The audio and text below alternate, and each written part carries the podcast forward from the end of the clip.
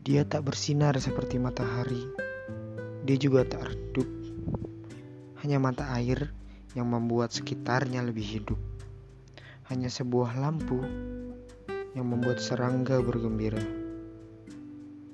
Lirik matanya memperlihatkan kepada dunia bahwa kasih dan sayang memang ada. Matanya membuat kita terbuka akan hal-hal fana namun candu, karena dia adalah mata pembuka.